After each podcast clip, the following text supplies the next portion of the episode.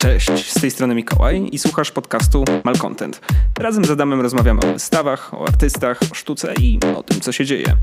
Żeby być na bieżąco, zasubskrybuj ten program w swojej aplikacji podcastowej. Jeśli chcesz zobaczyć więcej, zobacz nasze profile na Instagramie i Facebooku, gdzie pokazujemy też inne nasze projekty. Mam nadzieję, że ten odcinek Ci się spodoba i zostawisz nam parę gwiazdek w iTunes. Dzięki wielkie i miłego słuchania. Skoro kliknąłem nagrywanie, to oznacza, że jest to już kolejny odcinek z serii Malcontent. Adaś, jak ci mija tydzień? Doskonale wiem, jak ci mija tydzień, ponieważ jesteśmy na wyjeździe i spędzamy ostatnio każde wolne chwile razem ze sobą, a nawet te niewolne. Jak tam się ze mną czujesz w tym kołchozie kreatywności? Znakomicie, poza tym, że nie potrafisz sprzątać, robisz straszny burdel i cały czas trzeba ci powtarzać, do którego kosza wrzucać jakieś śmieci. Tak, mam z tym problem, to prawda.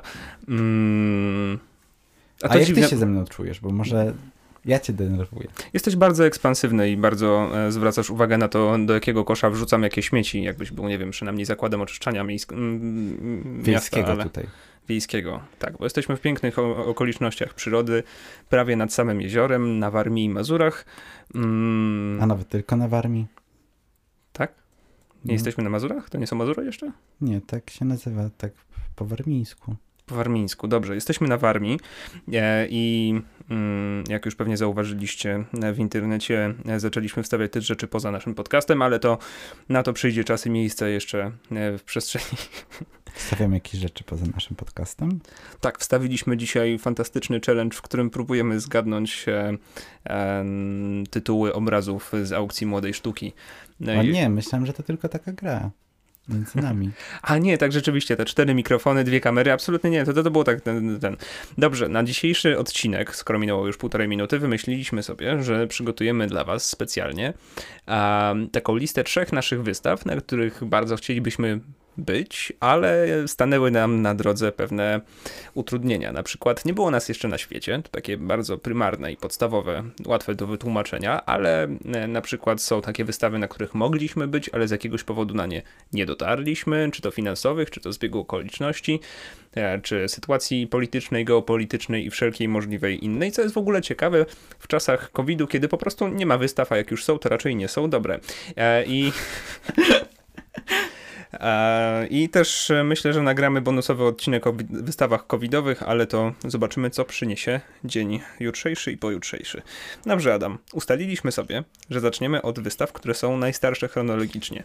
I ja po prostu trochę się boję, ale nie mogę się już doczekać, co ustawiłeś jako najstarszą wystawę, na którą chciałbyś być. Chciałem dużo, o takich rzeczach, które są bardzo stare i których nie mogę zobaczyć, bo nie jestem aż tak stary. I pierwsza, najstarsza chronologicznie rzecz, która mi przyszła do głowy, to był nie do końca wystawa, chociaż istniały już chyba wtedy wystawy.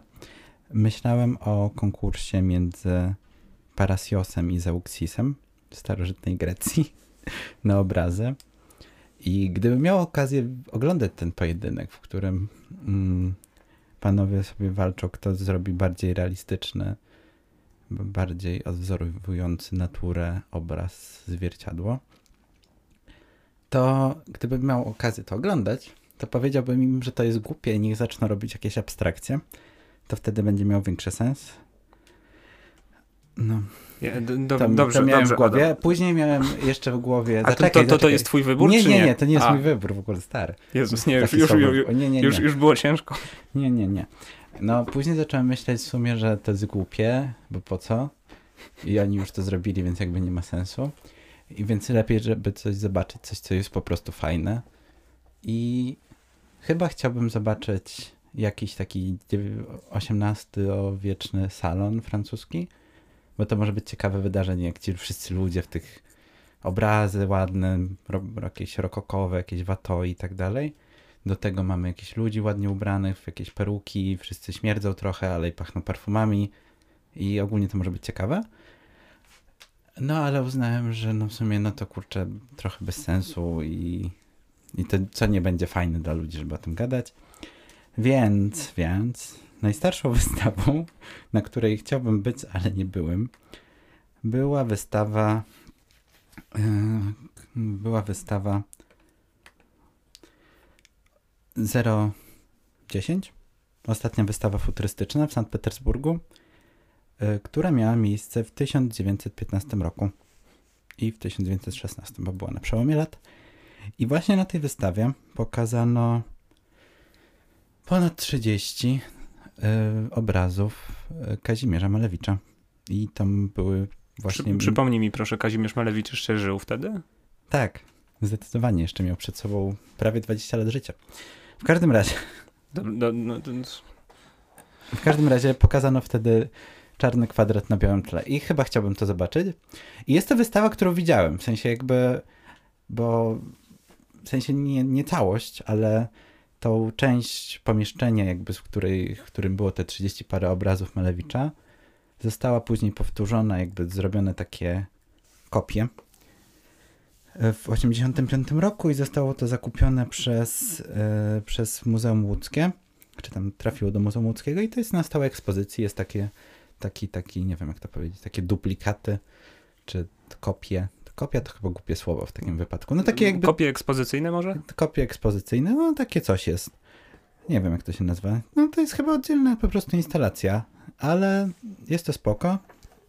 Czyli wybrałeś sobie wystawę, Tak, której nie widziałeś, widziałem, ale, ale mógłby, chciałbym- ale chciałeś zobaczyć i ją zobaczyłeś i w ogóle... Nie, ale chciałbym super. zobaczyć ją w oryginale, ale no, no jakby chciałbym ją zobaczyć w oryginale, bo to mogłoby być fajne, że jakby ten czarny kwadrat na białym tle przed tym wszystkim spękaniem i tak dalej. To super.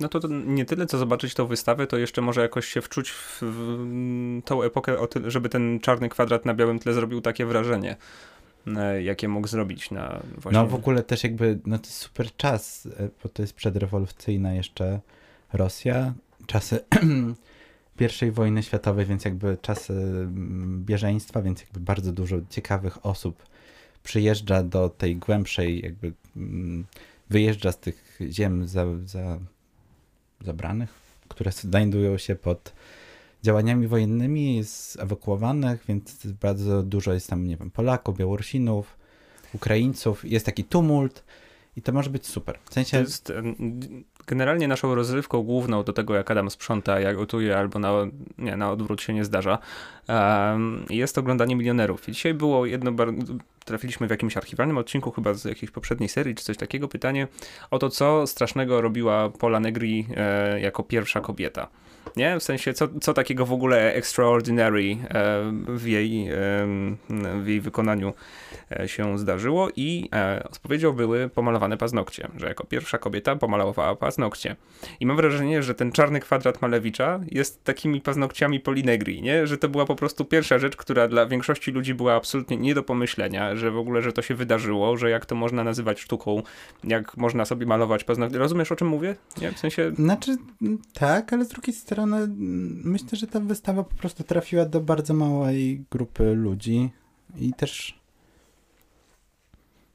no, w sensie mnie to bawi, że jakby do dzisiaj e, jacyś tacy sztukosceptycy mówią o tym, że o, jacy dziwni ludzie podniecają się czarnym kwadratem na białym tle. Mm, nie, no wiesz, co, zazwyczaj ci, ci ludzie mieszkają na takich osiedlach mm, mieszkaniowych e, pomiędzy torowiskami, e, gdzie mieszkasz pomiędzy e, policjantami. Czy ty mówisz o... A, a, okej. Nie no, tak, dobra, no czarny kwadrat na białym tle na Dudziarskiej to jest zdecydowanie nietrafiony pomysł. Aczkolwiek... Myślę, Nie, że oni są tak- najbli- najbliżej tego dzieła, w sensie byli na nie najbardziej po prostu wystawieni na jego działanie, jakoś tak historycznie. Chyba nikt tak dużo czasu nie spędził w jego otoczeniu. No w tym kontekście nawet to- Kazimierz Malewicz ma małe szanse po prostu tak długo przebywać w jego otoczeniu, więc to... No to jeśli może być fajny street art, to jest też zły street art, to to jest najgorsze. No, on miał nawet dobre intencje, jak tak się zastanawiam teraz, ale w sumie to... Znaczy... No. Dobra, Mikołaj. To ciekawe jest, ciekawy jestem, która wystawa jest dla ciebie W najstarsza. takim wypadku, w sensie, jak zacząłeś od starożytności, a potem przeszedłeś przed XVII wiek, to myślałem, że tak, a wygrałeś. Szajs. E, Ja mam również e, bardzo ciekawą wystawę, o ironio, z wieku XIX. O, to Mhm. ciekawe. To że Ty ciekawe. masz starszą wystawę niż ja. Też się tego nie spodziewałem, uwaga. To się nazywa Wielka Wystawa. Światowa? Tak, chodzi mi o wystawę światową z Londynu. Zaczekaj, a, 50, tak? Pierwszy. 1851 rok. E, I ta wystawa, nawet nie chodzi mi o to, co było, co było na tej wystawie, bo tam, jak tak teraz czytam ze skryptu, to tam był scyzoryk, który posiadał 1850 noży i łóżko budzik, które zrzucało śpiącego człowieka o dowolnej porze, nie? W sensie to to brzmi cool i to brzmi po prostu jak XIX wiek. To jest super. Ale chodzi mi o to, że chciałbym najbardziej na świecie zobaczyć ten pawilon, który powstał specjalnie z okazji tej, e, z okazji tej wystawy. Znaczą historię, nie? E, chodziło o to, że generalnie e, w Londynie miała być zorganizowana ta wystawa i ona była zapowiedziana i tam się zgłosiły, nie wiem, czy to można powiedzieć biura architektoniczne, ale zgłosiło się paru pomysłodawców, którzy chcieli wymurować pawilon. No i się okazało bardzo szybko, że mm, nie ma na to za bardzo forsy, nie ma na to za bardzo miejsca i żeby to zbudować, to trzeba byłoby wyciąć pół parku i to w sumie to ludziom się to mało podobało. I przyszedł sobie gość, który się nazywał Joseph Paxton. I Joseph Paxton był takim majstrem, który robił szklarnię, nie? W sensie to... I on powiedział, słuchajcie, to znowu wychodzi to, że uwielbiam rzeczy na sterydach, nie? W sensie pakujmy, zróbmy taką szklarnię, tylko że większą, nie? I w sensie i gość zrobił mm, pawilon, który e, z w którym było w takich paneli szkła prawie 290 tysięcy, 293 tysiące, zużył na jego budowę 4,5 tysiąca ton żelaza i zbudował e, ten pawilon o wysokości 33 metrów, który był w 100% przeszklony, a, który no, oszczędził drzewa, które były w środku, to, to, to w ogóle jest sexy i nitty i w ogóle wszystko po drodze. E, I zbudował taki, taką, tak, coś, co dzisiaj w sumie nawet nie jest jakieś takie, kurde, dalekie od rzeczywistości, ponieważ wszystkie te szklane biurowce i tak dalej na tych takich, w sensie na żelbetowych żelbetowych wzmocnieniach, to nie jest jakieś tam znowu rewolucyjne, nie? Ale jeżeli wyobrazisz sobie pałac, który po prostu był gigantyczny, w XIX wieku, gdzie wszystko było z palonej cegły, nie? Mm, to, to już jest samo w sobie. Pomijając fakt, że to był pierwszy raz w historii, kiedy ludzie mogli skorzystać z publicznych toalet. Przepraszam, Naprawdę? ale to. Tak. To widzisz, to jest niesamowite. Mm, I ta. Mm, z tego co pamiętam, to ten pałac nawet miał zostać, ponieważ on, nie wiem, w sensie chcieli, żeby on został. On stał ale... do 36 roku. Tak, ale on spłonął. No. No i potem go nie odbudowali. On, a no tak, on prawie 100 lat stał. Hmm, kurde. No. no. ale to po prostu to, to coś chciałbym zobaczyć, tą, tą budowlę. To mi się wydaje już, na, jak patrzę na ryciny, bo przecież nawet nie na zdjęcia, nie? Chociaż nie, już by było nawet możliwe, ale jak patrzę na te, na te ilustracje, to po prostu jest kurde niesamowite. To jest fantastyczne. Takie, jakby Pola Negri miała wielkie stopy i do tego jeszcze pomalowane. Bardzo mi się podoba to myślenie tego, że zachował te drzewa w środku, że w sensie, wiesz, te stare, stare, nie wiem, czy to lipy, czy to dęby, czy to cokolwiek, to, to pole, nieważne, po prostu e, były dopasowane do tego, bo w środku w tym pawilionie był, była alejka, taka, no, nazwijmy to, nawa główna, y, jakby nie patrzeć, która miała, która była podwyższona specjalnie po to, żeby te korony drzew się w środku zmieściły. No, tu, przepraszam, tutaj. Tutaj, nie? W sensie to. I to, to było dopasowane do wymiaru Ale to jest drzewa. niesamowite, że mamy rok 2020. Tak, niezmiennie, niestety. I jakby cały czas jest tak, że mamy wielki problem, żeby wybudować osiedle i nie wycinać wszystkich drzew.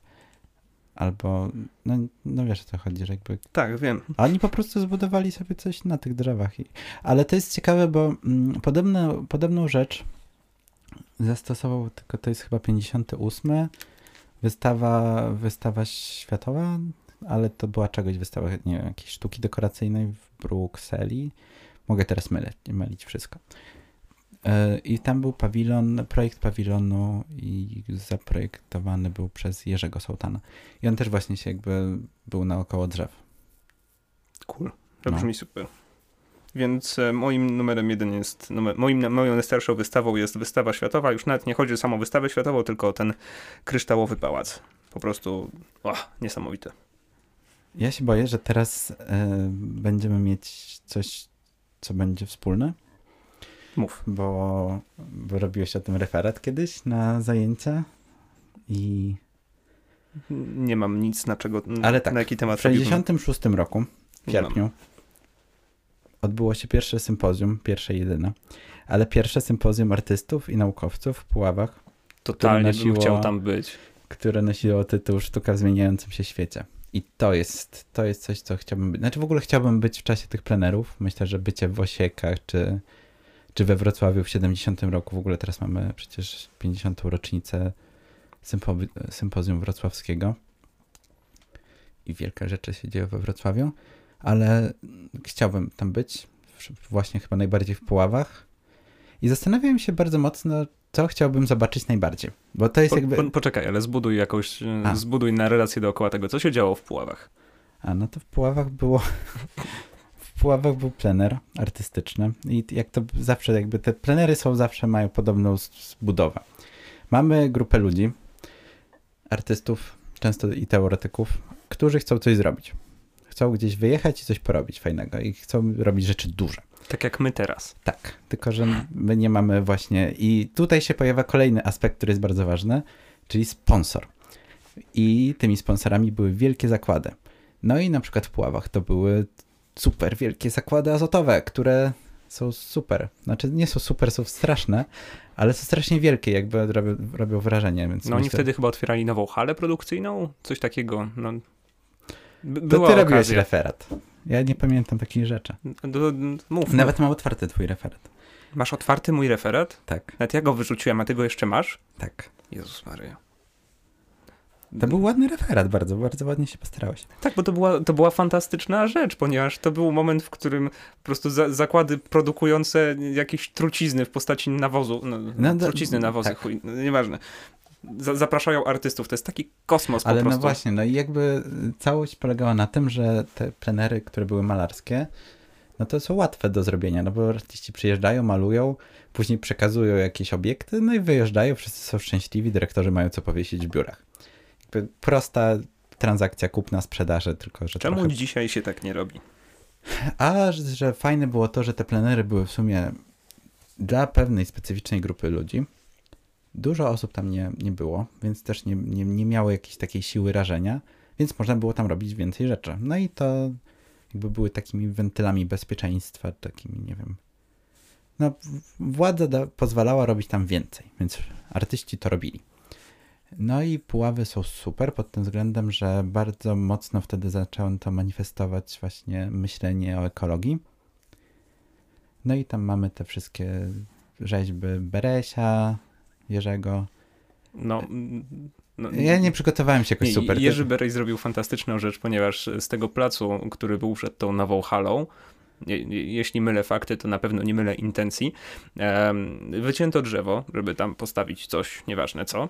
I Jerzy Bereś znalazł to drzewo na takim, w sensie w lesie, w ścince, w sensie no, no, cokolwiek i przywlókł je z powrotem na ten plac i postawił takiego trupa na środku tego placu, E, tego drzewa, które tam stało wcześniej. W sensie to jest bardzo symboliczne i fantastyczne, ale najlepsza akcja, która się tam działa, to przecież było e, przekazanie pieca, poświęcenie tak, no, pieca. ale właśnie do tego dążę, dąż, że jakby dąż. zastanawiałem się, którą akcję, która akcja jest naj, naj, najciekawsza i chyba jednak to przekazanie pieca wygrywa, no bo tutaj e, to przekazanie pieca, czyli czwarty pokaz synkretyczny Włodzimierza Borowskiego i ten opis jest fenomenalny i zawsze go polecam przeczytać i jakby czytając ten opis, to ma się ochotę tam być. I myślę, że nie ma sensu, żeby to Zarzuć jakimś fragmentem, bo tam jest... Wszyscy grupują się przed piecami na wyznaczonym terenie z ustawionymi kolumnami głośnikowymi. Ciemno, tylko od dołu do... oświetlają piece, głośno huczące potężne palniki gazowe. Po chwili wchodzę po żelaznych schodach na galeryjkę, jestem w smokingu. Przede mną idzie robotnik w kombinezonie i hełmie ochronnym. Za mną drugi, tak samo ubrany. Widzę zajeżdżające samochody straży pożarnej, karetkę pogotowia ratunkowego, wóz milicyjny. Z huku maszyn czuję ciszę wpatrującego się we mnie tłumu czekającego na wydarzenie. Zapalają się reflektory skierowane na piece. Zapalają się, gasną w tym samym w rytm bicia. Chyba coś tutaj chciałem. W rytm bicia czego? No nieważne. Nieważne cokolwiek. Chodziło o to, że e, Włodzimierz Borowski doprowadził do takiej Taki... sytuacji, w której e, dyrektorowi ośrodka, który go zaprosił e, na, na plener, przekazał jego własny piec. Bo nic nie był w stanie, znaczy mówił o tym jasno, że nic nie, artysta nie jest w stanie wytworzyć czegoś piękniejszego niż ten piec wytwarzający mocznik. I to prowadzi nas do, do jakby eskalacji tego absurdu, kiedy Włodzimierz Borowski zaczyna intonować w rytm hymnu państwowego słowa mocznik, mocznik. I chyba Oszczędzimy wam Tak. tego, ale chcieli, dzisiaj próbowaliśmy to zrobić w samochodzie, ale się nie udało. tak, policja nas zatrzymała. Mm, Nie, ale zaczekaj jeszcze. I właśnie, a drugą pracą, którą bardzo chciałbym zobaczyć, a, o której często się nie pamięta, to jest Świątynia Dumana, Dumania Liliany Lewickiej, która była taką swego rodzaju ekologiczną instalacją To był happening bardziej. happeningiem. No A nie- tak, no ale no jakby było... Happening czy było, performance? To no, chyba był happening raczej, nie? Nie, no no, nie- happening, no dobra. W każdym razie instalacja tutaj jest napisana. Instalacja? Przecież instalacja jest statyczna. No tam jeździli jacyś panowie jeszcze. No ale w każdym razie no to było głowy zwierzęt, zwierząt z miejscowej rzeźni ustawiła takie, nie wiem, miejsce jakby oddawania czci, takie trochę totemy w lesie. Wokół tych totemów y, jeździli panowie na motocyklach i tam było strasznie głośno i nieprzyjemnie, mimo tego, że to było w środku lasu. I chyba też, też chciałbym zobaczyć, ponieważ o Lilianie Lewickiej praktycznie nic nie wiadomo. Wiemy tylko o tym, że była i zrobiła tą świątynię Dumania w Puławach. Mało wiemy o jej w ogóle twórczości. Jest jeszcze jedna rzecz, która jakby myślę, że mówi o jakości tej artystki i o tym, jak dobre rzeczy robiła w swoim życiu. A mianowicie około też tego 66 roku, chyba trochę później, e, kiedy Jerzy Ludwiński został Pracował jako, przez jakiś czas pracował jako urzędnik w Wydziale Kultury Urzędu Miejskiego we Wrocławiu. E, To wydał Lilianie Lewickiej e, wydał Lilianie Lewickiej urzędowe zaświadczenie dające prawo zagospodarowania działki na Księżycu dla celów artystycznych. I to chyba dużo nam mówi o tej artystce. Mi To się jest super. bardzo podoba, że e, zakłady azotowe bardzo szybko zapomniały o tej akcji. W sensie nie za bardzo się tym chwalili, no, nie za bardzo, w ogóle się tym nie chwalili. Ci artyści wyjechali, oni te wszystkie rzeczy tam pochowali do magazynu albo spalili w piecach na moczniki. W ogóle to no, absolutnie nie. No, to był, no wiesz, no to był czas. e, No taki no, kapiszon. No to był, no to był PRL, nie? Więc w sumie jeszcze jakoś tak można by to e, wytłumaczyć, ale do dzisiaj, do dzisiaj e, z tej daty, z tego 60, którego? 6? Szóstego. 6 w kalendarium e, zakładów azotowych jest wyłącznie otwarcie nowej hali produkcyjnej mocznika. Nie ma nic wspomnianego na ich stronie, absolutnie nic na temat tego, tego pleneru. To jest e, tego sympozjum. W sensie absolutnie to jest niesamowite, że udało im się wymazać tą, tą, tą pamięć. Chociaż W sumie dlaczego, nie wiem, dyrekcja albo dział marketingu. No ale to Ach. chyba nam trochę. mm, Bo to jest trochę tak, że mm, no, w wielu tych miastach później te plenery były organizowane długo, w niektórych nawet do końca PRL-u, bardzo cyklicznie.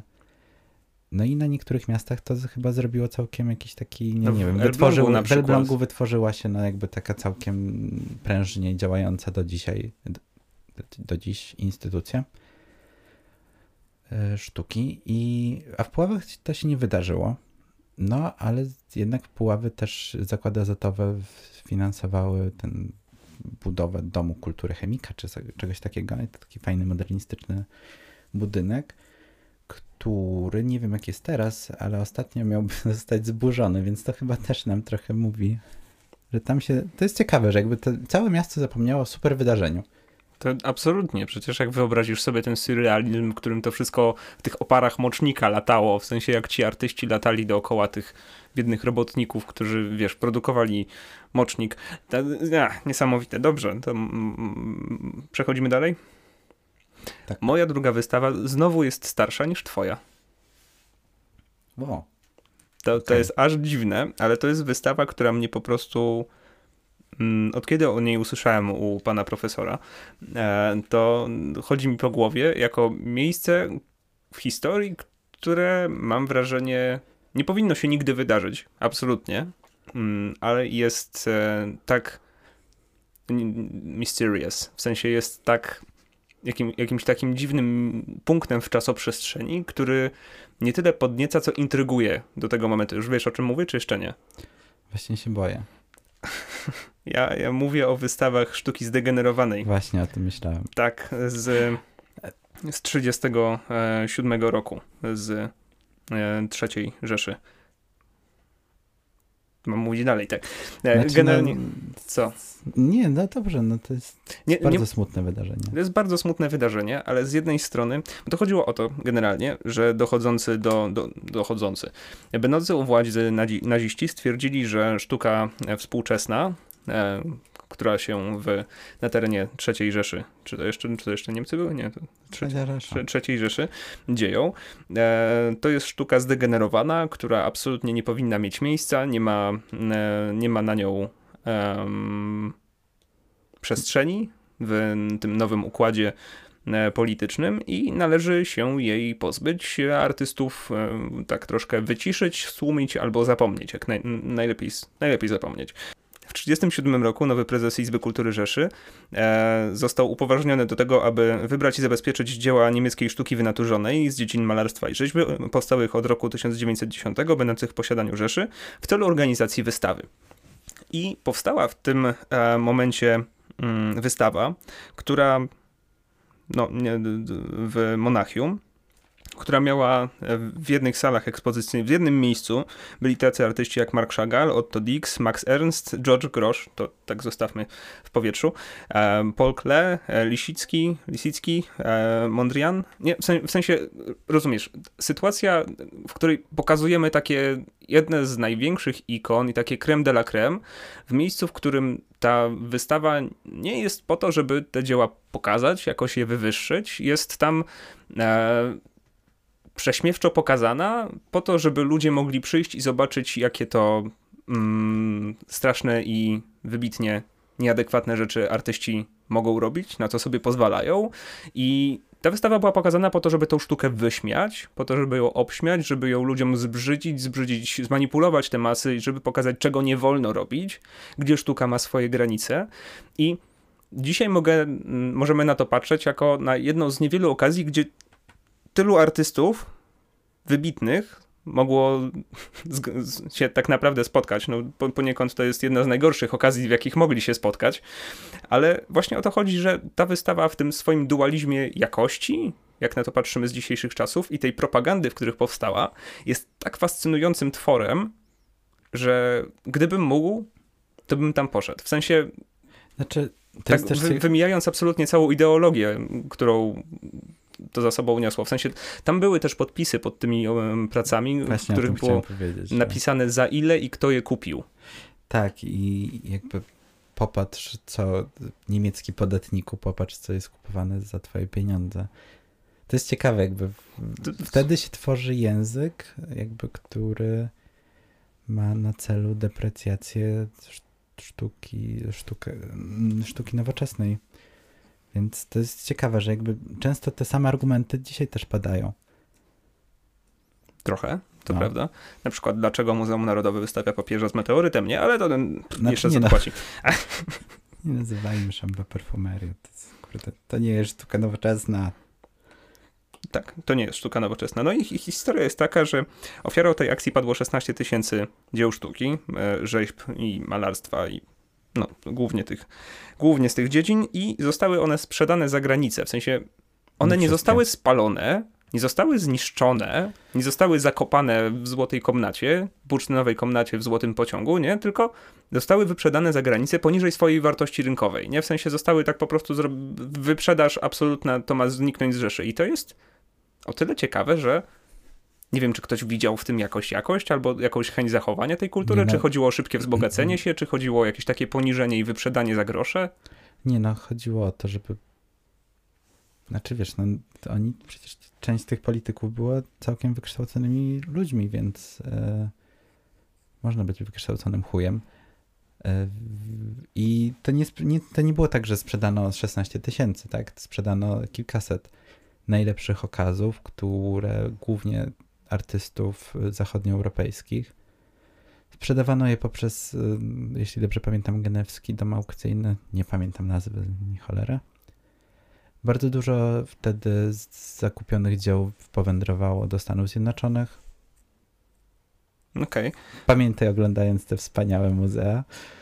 No, którymi się tak zachwycasz. To co? też jest jakby. To samo się działo na przykład w Związku Radzieckim, kiedy wyprzedawano trochę, trochę kolekcji Ermitażu i innych muzeów rosyjskich. Co, co mi się też podoba, że na tej wystawie z 37 e, były też obrazy z kolekcji prywatnych, które zostały skonfiskowane. Nie? W sensie no to nie były tylko zakupione publicznie obrazy, tylko dzieła sztuki, tylko to były również skonfiskowane, skonfiskowane z kolekcji prywatnych. I co najważniejsze, tą wystawę odwiedziło 2 miliony widzów. Czy, nie wiem, kojarzysz konkurencyjne wydarzenie? 2 miliony widzów. W sensie, no. Były takie wystawy, chyba też w Polsce, co? Które z 2 miliony widzów oglądało. Myślę, że tak. tak A nie, to sorry, 100 tysięcy. Widzisz, do, do, dobrze. Ja, Ostat... Jakoś tak sobie myślę, jaka była ostatnia jakaś taka duża wystawa w Polsce? Taka, żeby obejrzało je dużo osób. mm, nie wiem, krzy, krzycząc Polska w Muzeum Narodowym. Nie, no gdzież to by poszedł na takie coś. Wróblewski w MSN-ie to był hit, nie? To da, dawno temu było, jeszcze w Emilce. Może wystawa Olgi Boznańskiej w Muzeum Narodowym? No to w sumie był taki bestseller trochę. No. Ale nie dwa nie miliony. wiem. No nie, no. No, Litości to, Ponad 100 tysięcy chyba. To to jest, no, wow. prawda? Wow, wow, wow. I tak. No, do, dobrze, włożyłem tutaj jakiś taki y, smutny, smutny fragment, ale po prostu mam wrażenie, że to jest, to jest o tyle ciekawe, że warte wspomnienia. Tak, zdecydowanie i jest to smutne. I jakby też chyba warto wiedzieć o tym i popatrzeć sobie na te napisy, posłuchać tego, co, co pisano, jakby co, czyta, co, co było napisane na, na samej wystawie. I w momencie, w którym kolejny jakiś tam minister będzie gadał głupoty na temat sztuki nowoczesnej, to sobie o tym przypomnieć. I może rzucić w jednego czy w drugiego pomidorem, czy jakimś innym, nie wiem, obiektem. Kamieniem. Nie mów takich, nie, nie zachęcaj ludzi do przemocy. Dobrze, Adam, No ale no, no dobra, no w każdym razie wiadomo o co chodzi. no, że taka manipulacja sztuką jest. No jebać faszystów i tyle, no. Dokładnie. I Może ty... jakiś radiokapitał nam się tu zrobiło. Nie, nie, nie, nie, nie. Nie dmuchaj tak w mikrofon, bo będziemy mieli go, godzinę szumu. Dobrze, ostatnia. E, do, do, dobrze. Najnowsza wystawa. Dobrze, już zrozumieli wszyscy Dobra. żart. No wiem. Po prostu mi się podobał ten żart. Najnowsza wystawa, co masz? Dobra, to może powiedz ty, z którego masz roku, ja powiem z którego, żeby było chronologicznie jednak choć trochę. Nie, no, no dobrze, ja mam z 17. Dobra, no to ja będę pierwszy. Wystawa, której nie widziałem, chociaż tym razem miałem szansę ją zobaczyć. Ponieważ miałem wtedy 13 lat, to jest wystawa Ars Homoerotica w Muzeum Narodowym w Warszawie. Jakby miałem wszystko, żeby zobaczyć tę wystawę, oprócz tego, że byłem, nie byłem w Warszawie wtedy. I miałem 13 lat, więc Czy mając 13 lat interesowałeś się sztuką? no sztuką nie, ale pewnie jakimiś mężczyznami to już bardziej. Homoerotika, tak, nie. Nie no, y, nie wiem czy w ogóle była, chyba była od 18 roku życia, więc dobra, nie miałem szansy jej zobaczyć. Ale no to jest wystawa w- jakby w kontekście tego, co teraz się dzieje w Muzeum Narodowym, jako sztukę współczesną, czy jakoś taką bardziej powiedzmy to aktualną się tam pokazuje i jakie, jaki jakby y, potencjał krytyczny mają te wystawy. Myślę, że bardzo chciałbym zobaczyć tam tę wystawę, chyba, która w sumie nie była jakaś idealna. Tak czytając recenzję, chyba nawet często nie była super dobra. Ale to o co chodzi z tą wystawą, Adam? No Co to była za wystawa? Były to po prostu wystawa kolekcji Muzeum Narodowego w Warszawie, które rzeczy, które miały potencjał, znaczy, które były homoerotyczne. I tyle. I tam były zbiory od w sumie starożytności po sztukę najnowszą z Muzeum Narodowego. To jest taka wystawa, która dzisiaj pozostaje jakimś takim punktem referencyjnym, nie? W sensie jak się robi wystawy o tej tematyce, Tak, żeby nie, nie, nie, za, nie, na za, nie, nie zaokoło. no, Nie, nie, Nie no, ogólnie tak, jakby też ta wystawa bardzo mocno pomijała na przykład chyba homoerotyzm kobiecy, y, więc y, no to była wystawa pełna penisów. No kurde, no dużo penisów w Muzeum Narodowym. Jak, jak tam nie pójść? Jakby, No, no wiesz o co chodzi. wiem. No. Ratować cię z tego, czy nie? Nie no, to, to, Dobrze, moja wystawa w takim razie. ale tam jest jeden z, z obrazów, na tej wystawie był pokazywany jeden obraz, który y, kiedy miałem kilkanaście lat strasznie mi się podobał. I to była praca Adama Adacha e, Naked. Polecam wygooglować. Ciekawy obraz. W sensie, nie wiem, jakoś do dzisiaj mi siedzi w głowie. To jest takie nastoletnie malarstwo, które mi się wtedy podobało. No dobrze. Dalej mi się chyba w sumie podoba. Ale ja nie mam dobrego gustu malarskiego, więc Dobrze, moja wystawa jest z marca 17 roku. Mm, Wystawa, na którą miałem wszelkie predyspozycje, wszelkie możliwości, wszelkie zainteresowanie, możliwość nawet dwa zaproszenia pójść, ale nie zdążyłem. ktoś cię zaprasza na wystawę? Tak, moja żona. E, bo ona poszła, nie? W sensie. No nie, nie, nie jeszcze nie Czekaj, czekaj, niech zgadnę. Czy to jest pan naz- ma nazwisko na S? Nie, nie, to nie, nie była wystawa monograficzna. Okej, myślałem, że to... Nie, znaczy panna ma imię na S. A to nie są. Myślałem o Franku Steli, ale tam chyba byłeś. Nie byłem na Franku Steli, nawet na wernisażu byłem. O, No. Mm, Panna? Panna ma, pan Frank Stella? Nie, nie, no dobrze, nawet widziałem Franka Stella, słuchaj. To coś mówił. Jeszcze się wtedy nie interesowałem aż tak, żeby wiedzieć, co mówił, ale wiem, że stał przede mną. ale ty już I mówił. tę historię sztuki. Mm, Nie, nie studiowałem jeszcze Okej. historii sztuki. No dobrze. To było rok wcześniej. Okej. To było rok wcześniej, tak? E, dobrze, myślę o wystawie Syrena Herbem Twym zwodnicza w mm, MSN-ie, w sensie w tej e, zastępczym, zastępczym budynku, w tej takiej wiacie garażowej na Powiślu.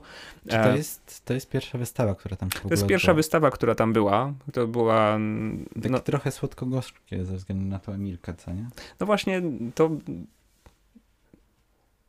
Dla tych, którzy mo- mogą nie wiedzieć, chodzi o to, że e, Muzeum Sztuki Nowoczesnej w Warszawie miało swoją siedzibę przy Emilii Platy, też w pawilonie wystawień niczym e, Emilka. Emilia? Emilia. Emilia, e, który wcześniej był pawilonem meblowym, co jest mniej ważne. No i nie, cho- no to jest super ważne.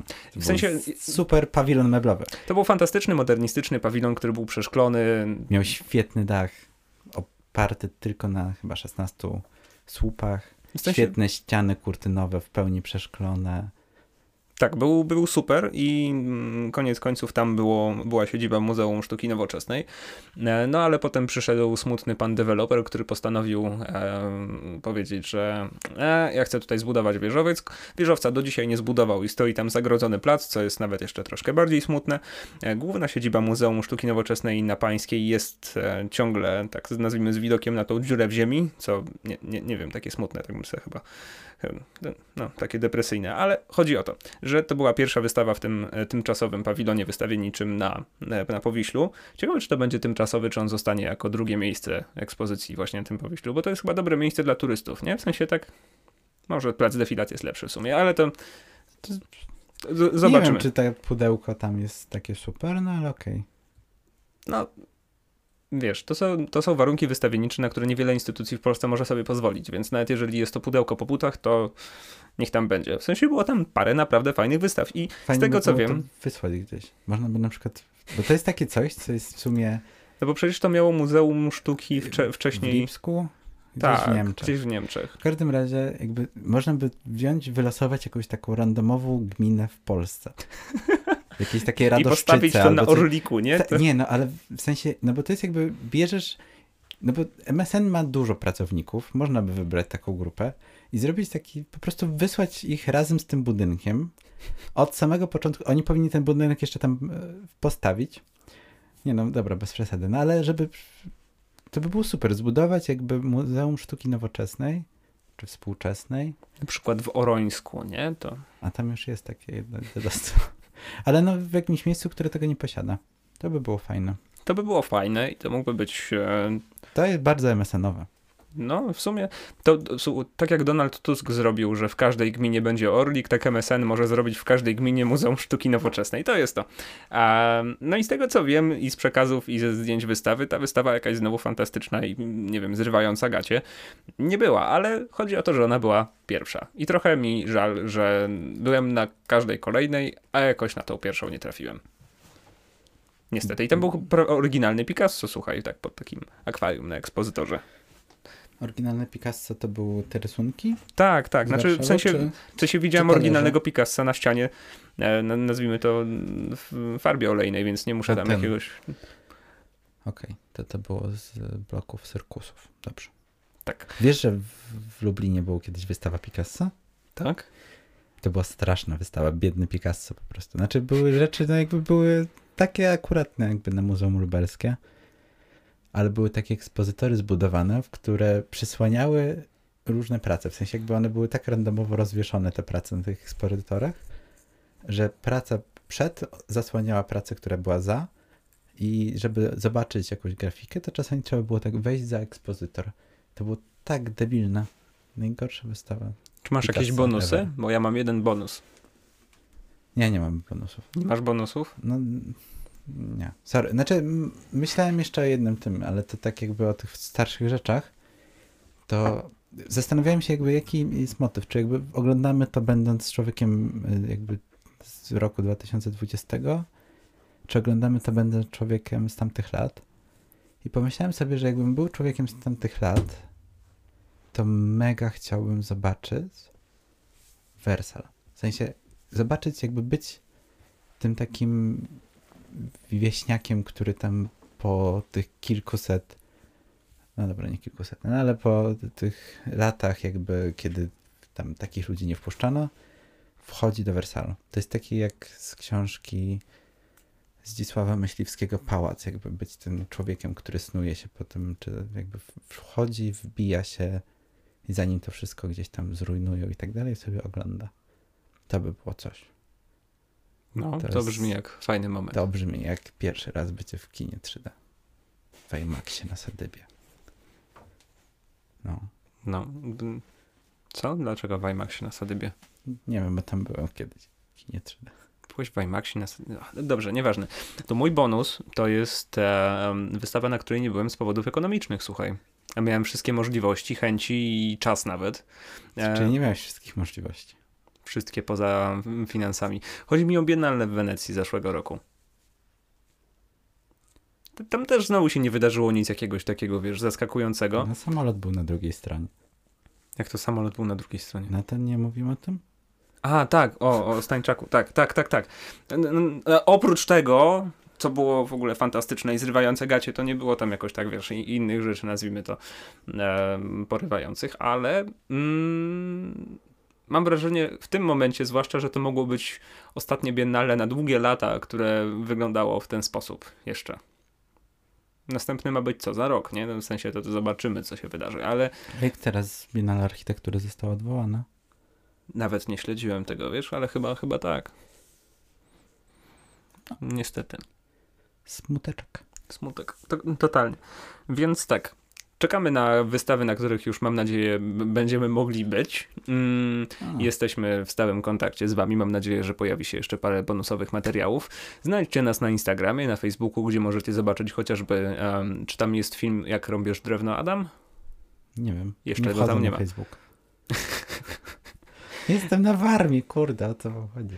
A, Pierwszy i... raz poza Warszawą od tak dawna. Jeżeli wam się podoba, naprawdę? Z, z miesiąc. Dobrze. No co? Nie, no to do, do dawna. Jeżeli podobał wam się ten odcinek, to pamiętajcie, żeby nas zasubskrybować w swojej ulubionej aplikacji podcastowej, niezależnie od tego, czy słuchacie nas na Spotify, czy w Apple Podcasts, czy nie wiem, gdziekolwiek jeszcze lubicie, to macie tam możliwość zostawienia e, swojej subskrypcji, która nam nie daje za wiele, tak jak mam być cztery, to właściwie nic, ale wy nie przegapicie następnego odcinka. Patrzcie, jak o was myślę. E, więc e, zostajemy w kontakcie i o czym porozmawiamy za tydzień, Adaś? Ja myślałem, że mamy do wyboru parę tematów, na przykład wystawy covidowe, gdzie możemy opowiedzieć o tym, jak my zrobiliśmy naszą wystawę w covidzie. mm, i w jaki sposób sobie inne instytucje, inne instytucje poza nami, e, instytucje, muzea, galerie i tym podobne e, radzą właśnie w tym dziwnym systemie. Mm, Albo możemy zrobić e, kolejny odcinek z serii e, nasze top wystaw, top 3 wystawy, na przykład top najgorszych wystaw, na których byliśmy. No kurde. Naj, po prostu najmoż, możliwie naj, naj, najgorsze. Ja już mam parę pomysłów. Mm, nie wiem, czy tak można robić, żeby tak się... No dobra. small content, nie? W sensie słaby content. Dobrze. E, nasi drodzy słuchacze, dziękujemy, że. Słuchaczki. I słuchaczki. Przepraszam. I No. dobrze. I słucha, słuchaczątka. Em, Straszny jesteś. No, kaczątka też mogło nas słuchać. Dobrze, dziękujemy, że byliście z nami przez ostatnie 46 minut e, i słyszymy się za tydzień. Mówi dla was Mikołaj Krupa. Ja dam parol. Hello. Ej, ale strasznie dużo tych kuratorów na tej wystawie z Syrena herbem twym zwodniczym. Bo tam byli wszyscy z, z zespołu. Ale zacząłem się zastanawiać, kto wpadł na taki tytuł? Jakby to jest, kurczę, tutaj powinno być wyszczególnione. A. Jakie, z czego? To przerwę nagrywanie, zanim się wydurnie. No nie no, Do usłyszenia. kurczę, no, zaczekaj, ludzie też chcą się dowiedzieć, o co chodzi. No dobra, nie dowiecie się, sprawdźcie sobie sami. Tytuł to cytat z wiersza Dedykacja Cypriana Kamila Norwida. No, tam się kurwa Norwida nie spodziewałem. Dobrze, elo.